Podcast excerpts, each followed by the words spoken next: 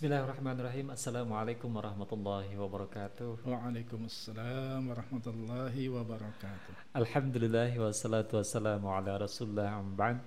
Saudaraku senang sekali rasanya di kesempatan kali ini kami menjumpai Anda kembali di dalam bincang manfaat di podcast sesaat. Tentu kita akan berdiskusi lebih jauh bagaimana membentuk dan mewujudkan keluarga yang sakinah mawaddah warahmah dan bersama saya telah hadir narasumber kita yang insya Allah senantiasa menemani di acara podcast kita ini Ustadz Andi Wibisana. Assalamualaikum Ustadz. Waalaikumsalam warahmatullahi wabarakatuh. Mudah-mudahan senantiasa sehat ya Ustadz ya. Alhamdulillah ala kulli Amin ya Rabb. Sehingga bisa sharing terus dan berbagi terus terkait dengan keilmuan kita ini. Insya Allah Baik Ustadz. Kita sudah memasuki episode-episode yang mudah-mudahan ini titian langkah kita untuk senantiasa perbaikan diri kita dalam rangka uh, takarruf pada Allah Subhanahu wa taala melalui bahasan rumah tangga ini. Dua episode sebelumnya kita sudah membahas tentang tujuan utama pernikahan, ada dua landasan di sana, ada ibadah, ada imarah. Kita juga sudah mendalami pada pekan yang lalu terkait dengan bahasan apa itu unsur ibadah yang notabene ada ikhlas di sana gitu ya, ada khalasa di sana gitu ya. Kemudian uh, di kesempatan kali ini kita ingin mencoba mendalami lagi terkait dengan uh, aspek yang lain terkait dengan ar-rijalu qawwamuna 'alan nisa. Seperti apa bentukannya, seperti apa aplikasinya agar mudah bagi kita ini menjadi guidance dalam uh, melaksanakan kewajiban tersebut. Silakan Sa.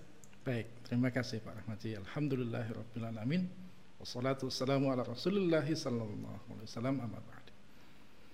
Ya, uh, saripati kepemimpinan seorang suami dalam rumah tangga memang adanya di dalam surat An-Nisa ayat 34 ini. A'udzu billahi minasyaitonir rajim. Ar-rijalu qawwamuna 'ala nisa lanjutannya adalah alasan kenapa Allah e, memperlakukan rumus tersebut bahwa ar-rijal adalah kawan bagi para an-nisa. E, alasannya adalah bima faddola bima faddalallahu ba'dahum ala ba'd itu yang pertama. Yang kedua bima anfaqu min amwalihim. Alasannya adalah karena karena memang Allah yang sengaja mengunggulkan, melebihkan uh, kaum laki-laki atas kaum wanita. Garis bawahi, saya belum menjelaskan makna dan definisi rijal tadi okay. lebih mendalam. Uh, kemudian uh, yang alasan keduanya adalah lantaran mereka para kaum laki-laki, kaum suami, para rijal memberi nafkah hmm. nah, dengan hartanya. Baik, eh, kita coba untuk cermati eh, tema besar ini sebetulnya. Pada episode yang sebelumnya, Ar-Hijal sudah saya sebutkan, aslinya kalau makhluk bernama manusia berjenis kelamin laki-laki itu Al-Quran sebutnya Al-Zakaru si yang punya buah zakar hmm. Adapun kalau wanita adalah al-unsa. Iya. Yang memiliki tempat untuk menyimpan, maksudnya adalah rahim. rahim.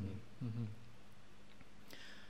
Rupanya uh, Allah tidak mempergunakan dua kosakata tadi, tapi menggantinya dengan sesuatu yang lebih luhur dari keduanya, yaitu ar-rijal dan an-nisa.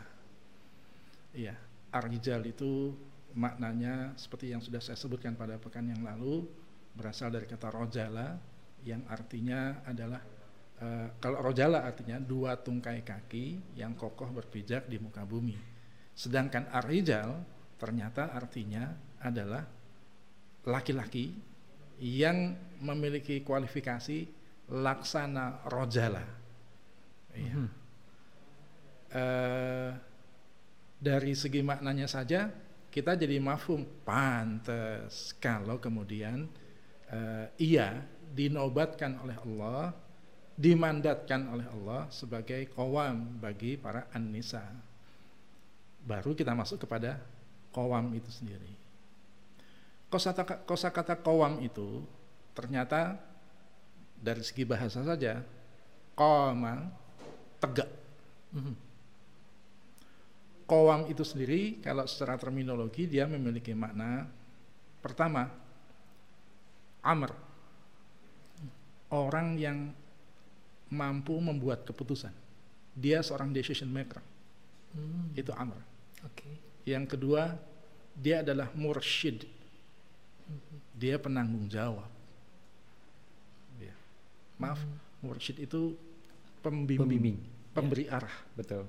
Kalau yang ketiga ini baru penanggung jawab yaitu mas'ul, penanggung jawab. Ya. Ada apa-apa dengan istrinya, ada apa-apa dengan anaknya, dia yang berurusan dengan hukum. Dia yang berurusan di hadapan mahkamah Allah taala. Gitu ya.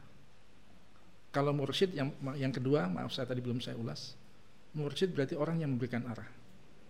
Seperti yang kemarin kita bahas eh, siapa? Ex-presiden Amerika, Donald Trump Donald Trump. yang membentuk keluarganya itu kalau Keluarga kita- bisnis. eh, keluarga saya adalah keluarga bisnis berarti dia seorang mursyid. Orang yang memiliki kualifikasi sebagai mursyid. Karena dia yang memberikan arah. Keluarga ini akan menjadi keluarga anu namanya mursyid berarti dia menentukan finishnya eh, perjalanan kita adalah sampainya di sini. Jadi ketika seorang istri bertanya kepada suaminya Pak sebetulnya setelah eh, 25 tahun kita berumah tangga ini itu mau dibawa ke mana sih rumah tangga kita sebetulnya gitu. sebagai seorang mursyid pasti dia akan bisa menjawab sebetulnya mah rumah tangga kita ini seperti yang mama ketahui akan saya bawa menuju ke titik an sedangkan kita pada etape yang kesekian menuju ke titik finish tersebut. Dia bisa menerahkan dengan sejelas itu. Lantaran apa? Karena dia sudah tahu bahwa tujuannya adalah ke satu titik itu sehingga dia bisa menyebutkan bahwa kita baru ada baru ada di halte ketiga dari lima halte. Nah, misalkan begitu. Bisa kita bayangkan dalam tatanan realita berapa banyak suami yang apabila ditanya oleh istrinya rumah tangga kita ini sebenarnya mau dibawa ke arah mana ya? Sudah sampai di mana? Atau eh, sudahkah melampauinya? Atau sebaliknya masih belum ke mana-mana kita gitu ya. Mungkin hanya 10% yang bisa menjawab Masya kali ya. Masya Allah, ya. Ya, jadi menunjukkan bahwa oh tidak sepele ya kalau peran sebagai mursyid. Kalau peran sebagai amr itu walaupun bagi sementara kalangan ah itu biasa, tapi ternyata banyak banyak para suami yang yang tadi eh, pada pada saat episode pekan yang lalu saya sudah pernah sebutkan dengan ilustrasi eh, Pak, ini gimana nih anak kita baiknya sekolahnya ke mana? Supaya, Udahlah terserah mama, ambil baiknya aja lah, ambil ininya aja. Eh, yang penting eh, gampang, yang paling gampang udah kerjakan aja gitu. Betapa banyak para suami yang lupa bahwa ia adalah amr, dia adalah seorang decision maker di situ, Ya. gitu ya. Sikap suami yang tadi yang menyerahkan seolah kepada istrinya itu benarkah seperti itu? Batil. Batil. Kecuali memang itu perkara-perkara yang tidak sawabit, perkara-perkara yang tidak prinsipal. Pada perkara-perkara yang mutaghayyirat, pada perkara-perkara yang sifatnya relatif, teknis dan sebagainya, itu tidak masalah.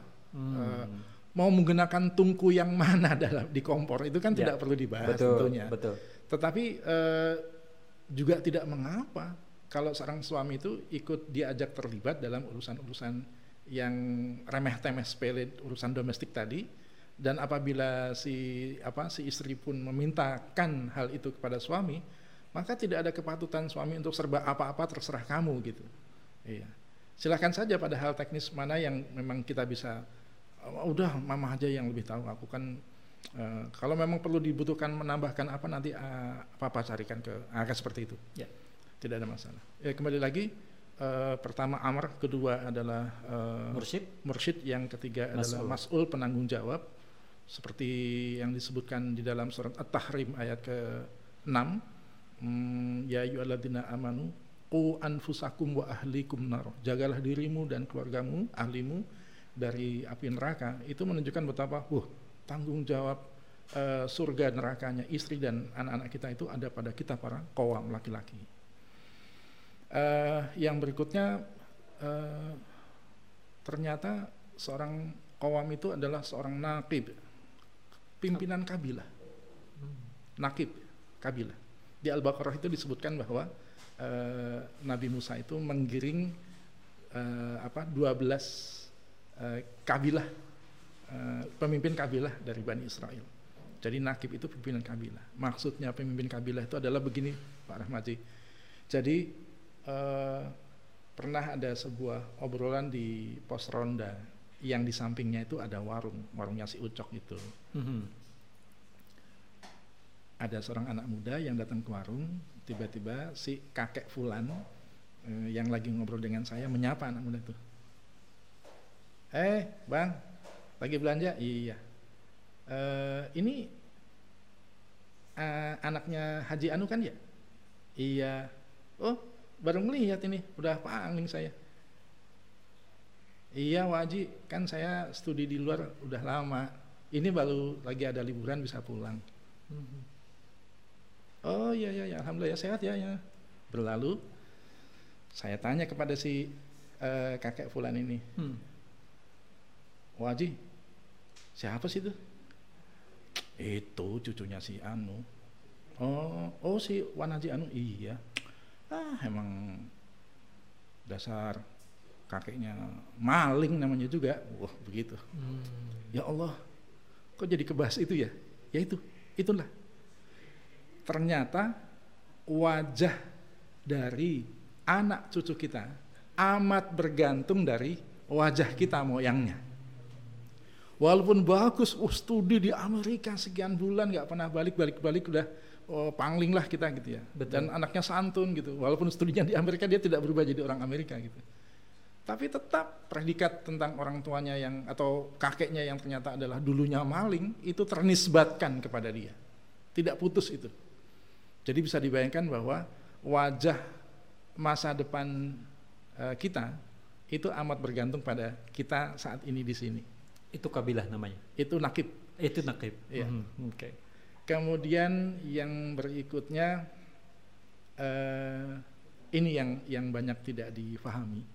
Uh, justru kalau raja-raja Jawa itu biasanya punya gelar maskulin, Mangku Bumi, Hamengku Buwono, mm -hmm.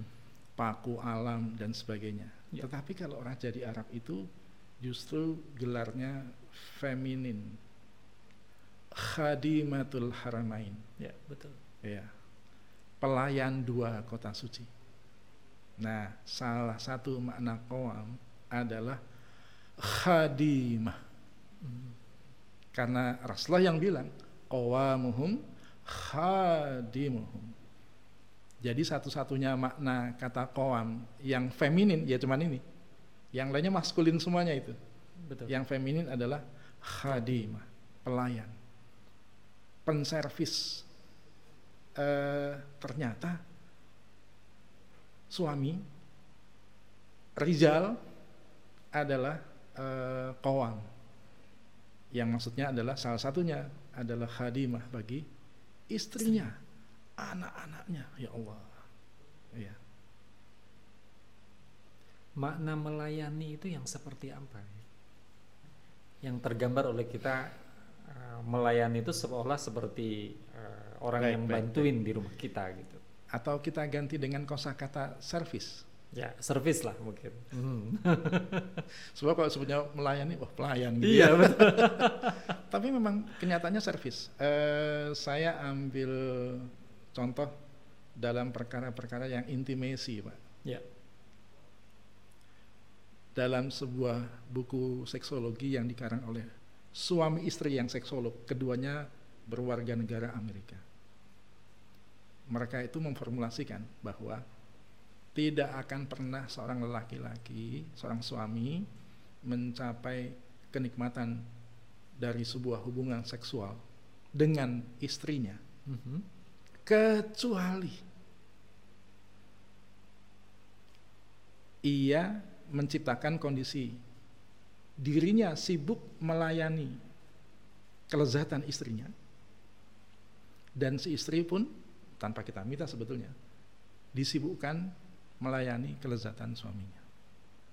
Jadi ketika seorang suami dalam kebersamaannya ketika bercampur dengan istrinya, di mindsetnya, di dalam benak alam bawah sadarnya, ayo layani saya, nah, hmm. ayo puaskan saya, maka bila rumus itu masih digunakan sebagai acuan utamanya, dia tidak akan pernah mencapai kenikmatan yang paling lezat, tidak akan mencapai kebahagiaan yang paling mutual. Ketika dia menanggalkan aksioma tentang servis. Ya. Justru harusnya dahulukan bagaimana saya melayani hingga istri saya puas. Eh, nggak taunya itu bukan orisinil kalimat saya. Rasulullah yang pernah memberikan advis kepada para kaum suami, yaitu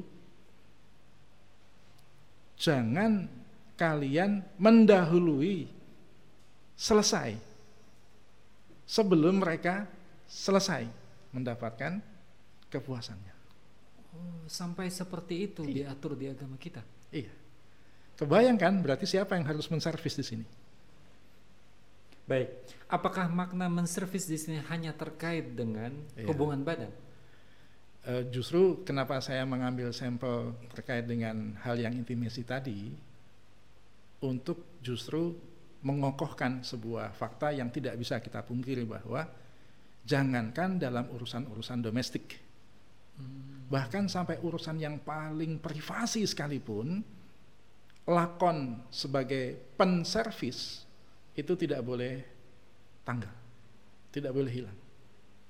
Ya itu yang dinamakan dengan khadimah. Itu kawam Apakah makna menservis ini juga contoh misalkan? Ketika pagi suamilah yang membuatkan teh buat istri sampaikah ke arah situ? Mungkin mungkin saja, walaupun dalam aplikasinya saya rasa oh utopia sekali ya.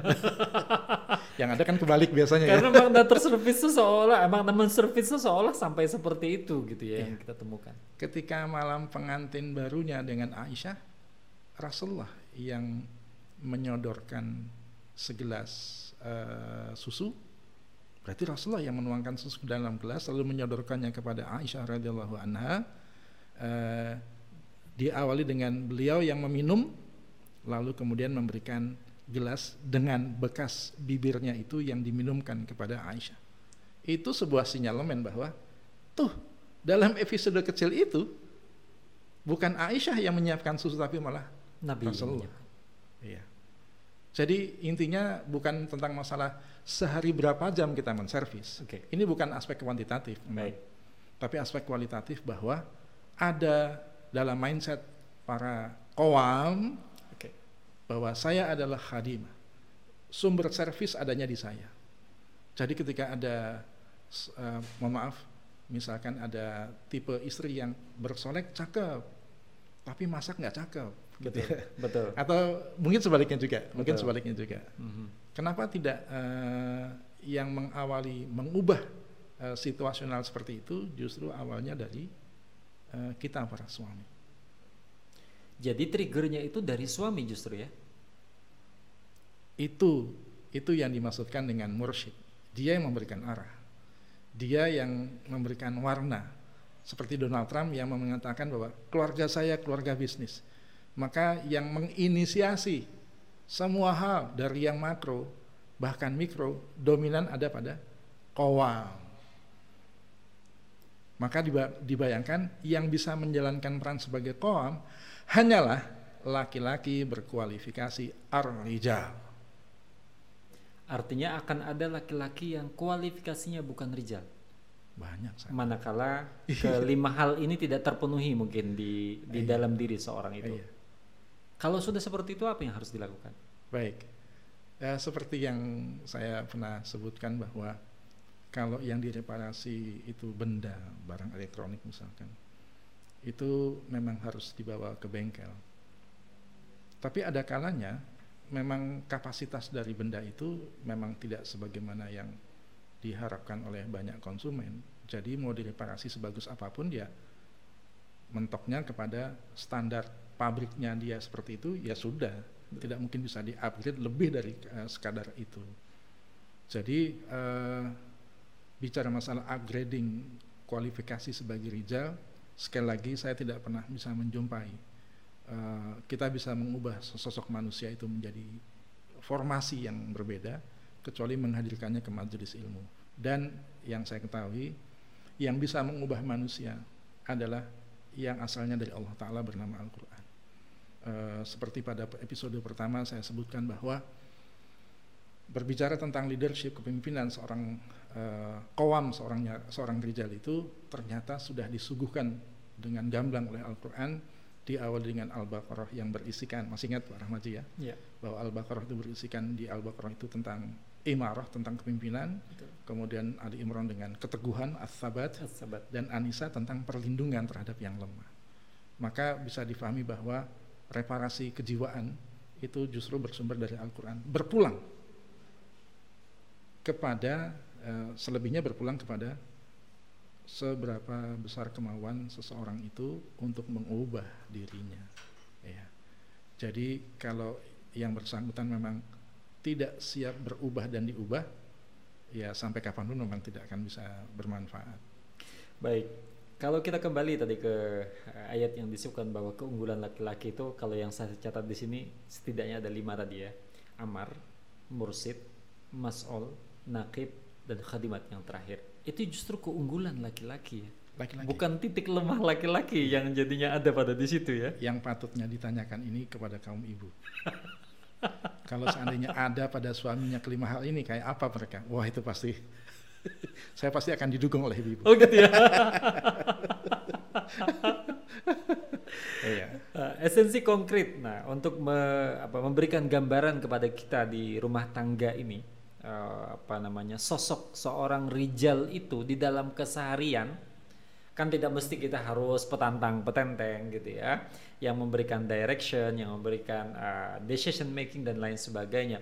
Tapi dengan kelembah lembutan mana yang terlihat gitu ya agar rumah tangga itu bisa berjalan apa namanya uh, mengalir begitu mengalir. Uh, Pak Rahmaji dan para pemirsa ternyata Allah Ta'ala itu kerap mendidik kita menjadi orang yang sederhana dalam berpikir maupun berbuat. Ternyata rumus di dalam Anisa ayat 34 ini pun membuktikan bahwa uh, Allah mengajak kita bermain sederhana. Hmm. Urayan tentang kawam adalah sampai lima poin tadi. Betul. Itu uh, merupakan urayan dari para ulama terkait dengan uh, penggal kata kawam dalam ayat ini. Ya. Namun ternyata Allah sendiri di, alat, di dalam ayat ini sudah menerangkan perkara yang paling sederhana. Setidaknya ia memainkan peran kepemimpinan semampunya plus yang paling pokok nafkah wabima anfaku min amwalihim. Hmm. Berarti ternyata apabila ada seorang laki-laki yang katakanlah lemah dalam perannya sebagai kawam. Oke. Okay. Tapi nafkah itu beres, dia akan dinobatkan sebagai kawam oleh rakyatnya, istri dan anak-anaknya. Kata kuncinya nafkah beres. Nafkah makna di sini adalah harta kah? Iya. Iya. Oke. Bukan nafkah batin untuk istri ya? Enggak. Ternyata istilah nafkah batin itu cuma ada di Indonesia. Oh. Jadi makna nafkah itu memang memberikan uang. Iya. Harta benda. Harta benda. Iya. Jadi uh, perbincangannya ini tidak ada hubungannya dengan apa istilah orang Indonesia nafkah nah, batin, batin tadi. Betul. Tidak ada. Fulus, fulus. Masya Allah. Iya. Bahkan kalau seandainya kita mencermati ayat tentang ta'adud poligami okay. di surat Anisa ayat ketiga tentang arahan syarat standar untuk bisa melangkah ke poligami adalah adil. Eh di lain sisi di surat yang sama surat Anisa ayat 129 mm -hmm. kita menemukan Allah ngomong kepada Nabi Muhammad bahwa kamu tidak akan pernah sampai kapan pun bisa berlaku adil kepada istrimu. Lah, aneh ya kalau orang yang cuma baca Quran terjemah Betul. pasti akan menemukan kontradiksi. Loh, itu di Anisa ayat 3 syarat untuk eh, bisa melangkah kepada Masna wa sulasa ya. Mhm. itu adalah adil Ya. gitu. Sementara Allah menyatakan Nabi aja nggak mungkin bisa adil. Rupanya ayat ini tidak bertentangan. Adil yang dipersyaratkan di ayat ketiga surat An-Nisa ternyata itu adil nafkah, adil dalam hal gilir, adil dalam mengajak bepergian. Adapun yang dikatakan oleh Allah eh, perihal Nabi sampai kapan pun tidak akan bisa berlaku adil, Heeh. Dari aspek mana itu? ternyata itu adil hati. Oh. Iya. Jadi ternyata ruang untuk lebih mencintai si C ketimbang Dibanding si si A. D misalkan Aha, gitu, mhm. maka ternyata itu masih ruang toleransi. Tetapi di ujung belakang ayat 129 ada arahan dari Allah agar sebagai seorang suami Nabi jangan menampakkan kecenderungan berlebihnya itu kepada yang lainnya. Lagi-lagi tentang rahasia kan? Masih ingat tentang Ya. rahasia? Mhm, mhm. Iya. Jadi seorang laki-laki harus pandai merahasiakan kecenderungan hatinya kepada si A, B, C atau ke D-nya. Misalkan dia ber- berlebih kepada yang C, itu tidak boleh menampakkannya kepada A, B dan yang D. Itu kaitannya dengan arahan di ayat 129. Jadi kembali kepada nafkah. Ini tentang nafkah harta benda, bukan yang lain. Gitu. Baik, keadilan yang diberikan itu yang seperti apa? Nominal atau Ya, ternyata adil berbeda dengan tawazun. Tawazun itu artinya setimbang, 50-50. Mhm. Sedangkan adil artinya proporsionalitas. Istri pertama anak delapan, yang paling kecil SMA, bahkan ada yang mau lulus, yang lainnya masih kuliah. Sementara yang satu lagi istrinya anaknya dua, masih kecil-kecil bahkan yang paling besar baru kelas 1 SD. Nggak boleh sama lah nominal yang diberikan eh, dalam nafkah kepada mereka. itu yang dinamakan adil secara proporsional Iya, tadi ya. proporsional. Bukan dibagi dua nih ketika satu 10 juta yang satu 10 juta bukan Iya, begitu bukan ya. seperti itu ternyata. Oke. Iya. Kalau sudah begini berarti kan oh nafkah ya. Iya, memang konsentrasinya ke nafkah. Artinya apa? Kalau nafkah sudah beres, yang lainnya alhamdulillah bila bisa terwujud. Begitu. Itu kaitannya dengan peran sebagai kaum tadi. Fungsi nafkah itu hal utama dan pertama. Jadi kembali lagi kepada ilustrasi yang pernah saya berikan pada episode pertama bahwa kenapa ya itu yang namanya halaman parkirnya pengadilan agama jauh lebih ramai daripada samsat. Betul. Ternyata lebih banyak gugatan cerai yang muncul dan itu adalah gugatan cerai seorang istri kepada suami. Ternyata mayoritas kasusnya yang ada di telisik masalah nafkah. Masalah nafkah. Iya. Jadi kebanyakan para kaum istri kita ini adalah mereka wanita-wanita salihah insya Allah. Apabila urusan nafkah beres, mudah-mudahan yang lainnya beres. Dan acap kali saya yang datang kepada saya mengadukan perihal keruwetan rumah tangga, ternyata bila ditelusur masalah nafkah lagi. Jadi umumnya masalah nafkah beres, yang lainnya akan dipaksa untuk jadi beres. Oke. Tuntunan nafkah itu sendiri seperti apa yang yang yang menjadi apa namanya barometer buat kita agar rumah tangga kita tuh jadi benar-benar beres dan kita menjadi kaum rijal gitu. ya. Ini apa perlu bahasan tersendiri lagi nanti ini? ini pertanyaan khas kaum kaum pria, kaum Iya. suami ya. Ada fikih nafkah tersendiri. Ada Insya fikih Allah, nafkah, ya? iya, kita akan perdalam dengan masalah nafkah tadi. Baik. Tapi yang jelas eh, Allah mengajak kita sederhana. Justru saya ingin mengajak eh, kita dalam perbincangan kita ini dan juga nanti para pemirsa juga saya malah berharap eh, setuju dengan plot yang Allah gambarkan dalam di antaranya ayat 34 ini. Allah deng- Allah senang dengan perkara yang sederhana sebetulnya gitu ya. Eh, artinya bila yang sederhana ini kelakon, insya Allah perkara-perkara sekunder dan tersier lainnya umumnya akan terbenahi. Bila yang pokok ini, bila yang primer ini terbenahi, gitu ya. Yang primer ini aja luar biasa nih ya. Iya. uh, tadi setidaknya untuk uh, apa namanya kawam itu ada lima terus plus memberikan nafkah ini. Iya, iya. Uh, adakah uh, yang dirasakan berat bagi laki-laki sehingga uh, kawamnya itu tidak bisa berdiri secara utuh terkait dengan uh, 5 plus 1 ini tentang pemberian nafkah? Iya, memang akhirnya segala sesuatu bermulai dari titik starting pointnya gitu ya, starting pointnya. Maksud saya uh, kita harus memiliki pasangan yang salih dan salihah. Ya. Kalau seandainya pasangan kita ini adalah pasangan yang salihah, maka berpasangannya kita dengan dia adalah dengan bukan saja keunggulan-keunggulannya, tapi juga dengan kekurangan-kekurangannya. Artinya apa? Hmm, ini bagi yang para kaum yang masih lajang ya, para lajang dan gadis, hmm. Eh, cari suami yang salihah sebagai kriteria yang paling perdana sebelum yang lainnya. Eh, sebab ketika kita sebagai seorang manusia yang serba ah, kalau pakai pepatah tidak ada gading yang tak retak. Betul maka ketika kita akhirnya harus menghadapkan versi kelemahan-kelemahan kita kepada pasangan kita, apalagi kita yang rijal, yang koam ini, harus akhirnya tetap menampakkan kekurangan-kekurangan kita tadi. Apabila pasangan kita ini adalah pasangan yang salihah, maka oh, dan plus plus plus kita menunaikan kewajiban yang paling pokok utamanya yaitu masalah nafkah, nafkah harta benda ini.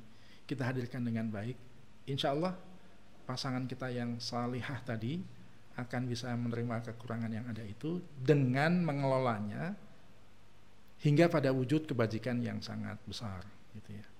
Permaklumannya kesabarannya dan sebagainya gitu ya. Ya kata kuncinya adalah memang dari awal poinnya apa starting, pointnya dulu. point ya menjemput jodoh itu caranya bukan mencari ke mana bertanya ke siapa. Ternyata Tapi, menjemput jodoh itu adalah dengan diawali memperbaiki diri. Karena tidak mungkin Allah mempertemukan kita kecuali dengan uh, yang sepadan dengan kita. Itu sebabnya selain Allah mempergunakan kata mar'ah mm-hmm. pasangan, yeah. Allah juga lebih banyak menyebut kosakata zaujah belahan jiwa. Apa beda di antara kedua itu? Uh, kalau sudah masuk ke perbedaannya nanti jadi bahan perbincangan sendiri. Tapi oh begitu ya, oke. Okay. Baik, saya jawab. baik, baik. Saya jawab versi sederhana tapi pokoknya. Iya. Ternyata yang saya bilang ini istri saya, ini istri saya, itu namanya mar'ah. Tapi apakah mereka ini para istri kita itu zaujah kita? Jawabannya belum tentu. Ketahuannya nanti? Ketahuannya ketika kita bertemu atau tidak di jannahnya Allah Ta'ala. Oh, iya. oke. Okay. Ketemu sih di akhirat, tapi ketemunya di neraka. Allah tetap sebutnya mar'ah, Pak. Bukan jauza. Tabat hiyada abilah habi wa tab, ma agna anuh maluhu wa makasab, sayaslana ronda talahab, wamro'atuhu latal hatab Hammalatul hatab. Hammalatul hatab. Dan imro'ahnya Abu Lahab itu menyodorkan kayu bakar untuk uh, Allah bakarkan suaminya gitu. Allah tetap menggunakan kata marah. Ketemu sih di akhirat, tapi di neraka. Jadi kalau ketemu lagi pasangan kita di dunia ini sebagai pasangan lagi di akhirat, dia adalah zaujah, belahan jiwa. Jadi bisa kebayang kalau kita tadi berbincang berpanjang-panjang pada termasuk episode yang sebelumnya tentang uh, ikhlas. Sesungguhnya iya wanita ini adalah mar'ah saya. Maka ketika ia didudukkan sebagai mar'ah, tunaikan hak-haknya. Maksimalkan aplikasi kewajiban-kewajiban kita kepadanya. Kenapa? Sebab ini adalah ibadah pada Allah Ta'ala. Jadi ternyata muamalah kita yang sesungguhnya adalah bukan kepada pasangan kita. istri kita, tapi kepada Allah Ta'ala sebetulnya. Saya lagi berberes-beres, berbagus-bagus berhubungan dengan Allah Ta'ala melalui aplikasi uh, hak kewajiban saya sebagai suami kepada uh, istri saya. Tatkala itu Allah izinkan uh, saya bagus dinilai olehnya, istri saya pun bagus dinilai olehnya. Kenapa tidak? Allah izinkan kita menjadi zaujah di akhirat kelak, khususnya janda tadi. Masya Allah ya. Baik, ini ada pertanyaan masuk dari uh, Pak Arif di Jakarta. Bagaimana cara kita untuk dapat melihat seseorang itu soleh atau sehat yang bisa dijadikan pasangan kita? Karena kan yang terlihat ya. Uh, berapa banyak ayat dalam Al-Quran yang selalu menggandeng amanu wa amilus salihat. Mm -hmm Ternyata jawaban sederhananya tidak bisa sebuah amal itu berkualifikasi salih kalau tidak ada fondasi amanu pada pelakunya. Oke. Okay. Nah, justru bukan dari dari amal salihnya, justru dari amanunya ternyata itu terlihat. Maksudnya, ternyata iman bila ada dalam dada kita tidak bisa disembunyikan. Bukankah iman itu tasdiqum iya. biqalbi? Betul, betul. Ada di dalam hati. Tetapi betapa banyak hadis yang di awalnya man kana yu'minu billahi wal yaumil akhir. Fal yukrim dhaifa. Selalu urutan berikutnya adalah kalimat berikutnya setelah kalimat itu adalah amal perbuatan konkret manusia kepada manusia. Coba cermati, ada nggak yang berbeda dari plot itu? Itulah iman ya yang tidak bisa disembunyikan itu. Jadi namanya iman itu malah harus ada unjuk buktinya. Tidak bisa semata di dalam hati. Iya. Tidak bisa hanya diucapkan saja. Allah memprotes seorang Arab Badui ngomong ke mana-mana di Al-Hujurat ayat 14. Qalatil a'rabu amana. Berkata seorang Arab uh, udik dusun tak terpelajar. Setelah ia bersyahadat ke mana-mana ngoceh amanah, amanah. Saya ini mukmin, saya ini mukmin. Hmm. Allah yang protes bukan nabi, bukan siapa pun. Kul bilang ya Rasulullah pada orang itu, lam minu Belum, kamu itu belum beriman. Walakin kulu, tapi cukuplah kamu itu ngomong, aslamna, saya telah berislam. Kenapa? Walamma yadkhulul imanu fi qulubikum. Sebab itu, iman itu belum eksis ada dalam dadamu Tahu dari mana? Kan Nabi juga manusia tidak bisa melihat dalam dada seorang itu kayak apa. Soalnya iman itu kalau memang betul ada dalam dadanya akan muncul amal salih dan acap kali Allah mengubah kosakata amal salih dengan kata sadaqah. Bukti benar adanya iman dalam dada seorang yang tadi kita bahas. Betul. Yang pekan lalu kita bahas. Iya. Jadi rupanya belum eh, jangankan di amal salihnya, pada saat pengakuan amanannya saja sudah membutuhkan adanya pembuktian konkret dalam urusan manusia dengan manusia, Baik. bahkan bukan dengan Allah. Jadi itu sebabnya uh, man kana yu'minu billahi wal yawmil akhir uh, la yu'minu ahadukum tidak beriman seorang di antara kalian uh, hatta yuhibba li akhihi ma yuhibbu li nafsi hingga ia mencintai saudaranya sebagaimana ia mencintai dirinya. Tuh lagi-lagi jadi bukti iman itu selalu wujudnya konkret. Entah itu dalam bentuk ucapan, bahkan perbuatan, dan itu bahkan dari manusia kepada manusia, muamalah dengan manusia.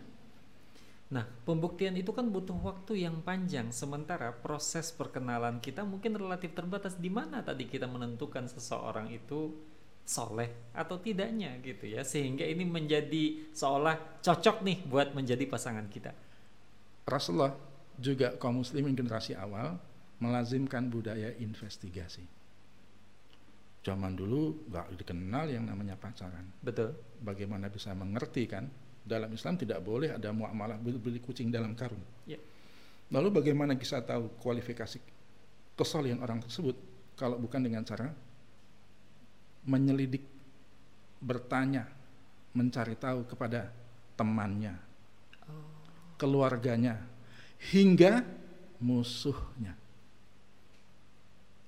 Sampai seperti itu? Iya. Kebayang nggak Pak? Kebayang nggak pemirsa kalau seandainya kita bertanya kepada musuh atau orang yang memusuhi uh, orang yang akan kita nikahi. Betul. Tiba-tiba ketika ditanya perempuan itu kayak apa? Seperti apa aslinya? Kalau sampai musuh ngomong dia perempuan baik. Wah, kayak apa itu? Berarti baiknya. Ya. Sampai musuh pun memuji baik. dia, menyatakan betul. dia baik. Betul. Itu orang baik betul itu. Kalau keluarga ditanya, oh dia mah orang baik, oh dia mah, oh ya keluarganya kan. Betul. Tapi kalau sampai musuh bilang dia orang baik, berarti betulan dia betulan orang baik. Nah ini kan pelajaran buat kita bahwa investigasi itu menjadi penting ya. Iya. Iya. Untuk menentukan kesolehan seseorang iya. sebelum kita menentukan bahwa dia itu uh, berhak apa tidak menjadi pasangan kita. Betul. Ada satu hal lagi yang patut juga kita cermati, uh, Pak Rahmaji dan juga pemirsa masih ada waktu kita ya? Masih ada waktu. Masih ada waktu. Setelah terselenggara biduk rumah tangga, maka ternyata proses ta'aruf belum selesai. Proses ta'aruf belum selesai? Iya. Bukankah ta'aruf itu sebelum kita melakukan khidbah? Ternyata berumah tangga ini wahai para suami, wahai para istri, uh -huh. ketahuilah, oh, berumah tangga adalah proses ta'aruf seumur hidup. Mengenali iya. pasangan kita terus-menerus. Iya. Dari ja aspek apa? Jangan pernah merasa kita sudah paham dia. Setiap manusia itu tumbuh berkembang. Betul. Dinamis. Zaman juga berbeda. Nah, jadi apabila kita menjumpai hal-hal yang terutama yang tidak menyenangkan, dari pertumbuhan kejiwaannya dan sebagainya ternyata ada yang kok jadi begini kok saya jadi nggak serak begini ya dengan dia dan uh -huh. sebagainya itu adalah akibat tidak hadirnya pemahaman bahwa berumah tangga adalah proses ta'aruf seumur hidup. Oh. Landasannya Al-Hujurat ayat ke-13. Apa itu? Tujuan Allah Ta'ala menghadirkan. Saya bacakan langsung ayatnya kalau perlu. Silahkan. Al-Hujurat di ayat surat 49 Betul. ayat yang ke-13. A'udzu billahi minasyaitonir rajim. Ya ayuhan nasu inna khalaqnakum min dzakari wa untha wa ja'alnakum syu'uban wa qabaila lita'arafu. Wahai manusia, Allah sampai bersumpah Inna sungguh kami menciptakan kamu dari seorang laki-laki dan perempuan jadi keluarga, jadi masyarakat, jadi berbangsa-bangsa dan berkabilah-kabilah agar kamu lita arafu saling mengenal. Kita membayangkan oh, laki-lakinya orang uh, Chinese, istrinya orang Arab, jadinya ta'aruf dengan budaya yang berbeda. Bukan, bukan ke sana ayat itu mengarah. Tetapi kita berumah tangga, kita bermasyarakat, kita berbangsa ini adalah proses ta'aruf yang tak kenal henti. Jadi sesungguhnya kita itu suka suka pro status quo dengan dengan anggapan bahwa yang saya pahami istri saya itu dulunya begini begini begini. Kenapa sekarang setelah ngaji jadi begini ya? Betul nah, betul gitu. betul. Kok jadi saya ketinggalan? Kok saya jadi merasa banyak dinasehati ini kira-kira isi saya ngaji? Soalnya saya nggak ngaji misalkan begitu ya suaminya kenapa saya jadi begini ya? Kenapa isi saya jadi begini sekarang ya? Jadinya rumah tangga saya jadi nggak pernah adem nih selalu panas. Selalu saya dikoreksi selalu saya dinasehati saya selalu dibenahi ini ada apa dengan isi saya? Istrinya dinamis tubuh berkembang. Sang suami kebetulan tidak begitu ya. Jadinya yang muncul adalah peradangan. Itu akibatnya bukan karena masalah pertumbuhan atau perubahan atau dinamika yang jadi masalah sebetulnya, tapi apa? Adanya sebuah anggapan yang status quo bahwa yang saya pahami pasangan saya adalah jadi proses ta'aruf itu terhenti sekian lama rupanya. Iya. Jadi itu ternyata Pak tujuan dari uh, apa? Maaf, penjelasan bahwa ternyata berumah tangga itu adalah proses ta'aruf seumur hidup. Insya Allah ya. Tidak ada uh, batasan ta'aruf kita hanya ketika kita ingin melamar semata iya, ya. Bahkan ketika sudah berumah tangga. Bahkan sekedar berumah tangga. Ya Allah, ya Rob, gitu ya. Ini mampu nggak kita membawa keluarga kita ini benar-benar menuju jannahnya Allah itu ya. Amin. Mudah-mudahan Pak Rahmati dengan segenap kelemahan yang ada kita banyak menitipkan keluarga kita kepada Allah Taala. Dengan kelemahan, justru dengan pengakuan akan kekurangan serba kelemahan diri kita ini ini memojokkan kita untuk hanya saat ada satu opsi yang bisa kita tempuh. Banyak meminta pertolongan kepada Allah Taala. Ia karena abudu itu kemustian. Iya karena stain justru karena menginsyafi bahwa saya dalam mengibadahi Allah tuh nggak mungkin bisa utuh, nggak mungkin bisa all out, nggak mungkin bisa komprehensif seperti ini. Kenapa? Saya ini makhluk lemah, punya banyak cacat celah aib kurang apa. Maka saya berharap Allah Taala yang memaafkan akan kekurangan-kekurangan saya dan saya juga menitipkan semua amanah-amanah saya pada Allah Taala agar uh, Allah tetap menghadirkan kebaikan di belakang sana. Masya Allah. Mudah-mudahan Pak Arif terjawab pertanyaannya. Luar biasa nih kajian kita di kesempatan uh, apa kali ini. Dan Pak Andi lagi-lagi kita harus menyudahi kebersamaan kita Baik, di Pak, kesempatan Pak. kali ini. Mudah-mudahan di eh, pekan-pekan uh, yang akan datang kita bisa membahas Amin. lebih lanjut terkait dengan nafkah di keluarga itu yang seperti Insya apa. Ini mudah-mudahan nanti biar menjadi pelajaran menarik buat kita semua.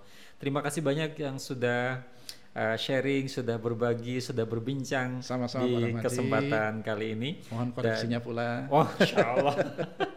kita yang harus dikoreksi terus Ustaz. Dan pemirsa di mana pun Anda berada, jika Anda punya persoalan, jika Anda punya pertanyaan, jika Anda ingin mengetahui lebih jauh terkait dengan apa pun persoalan di keluarga, kirimkan pertanyaan Anda di sosial media sesaat. Bisa di Instagram, bisa di Facebook, maupun melalui uh, komen-komen di YouTube.